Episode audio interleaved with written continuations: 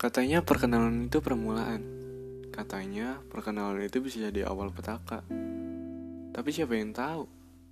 Mungkin juga bisa jadi awal kebahagiaan. Gua Ipai. Panggilan hangat dari orang-orang terkasih. Hmm, enggak deh kayaknya. Berlebihan banget.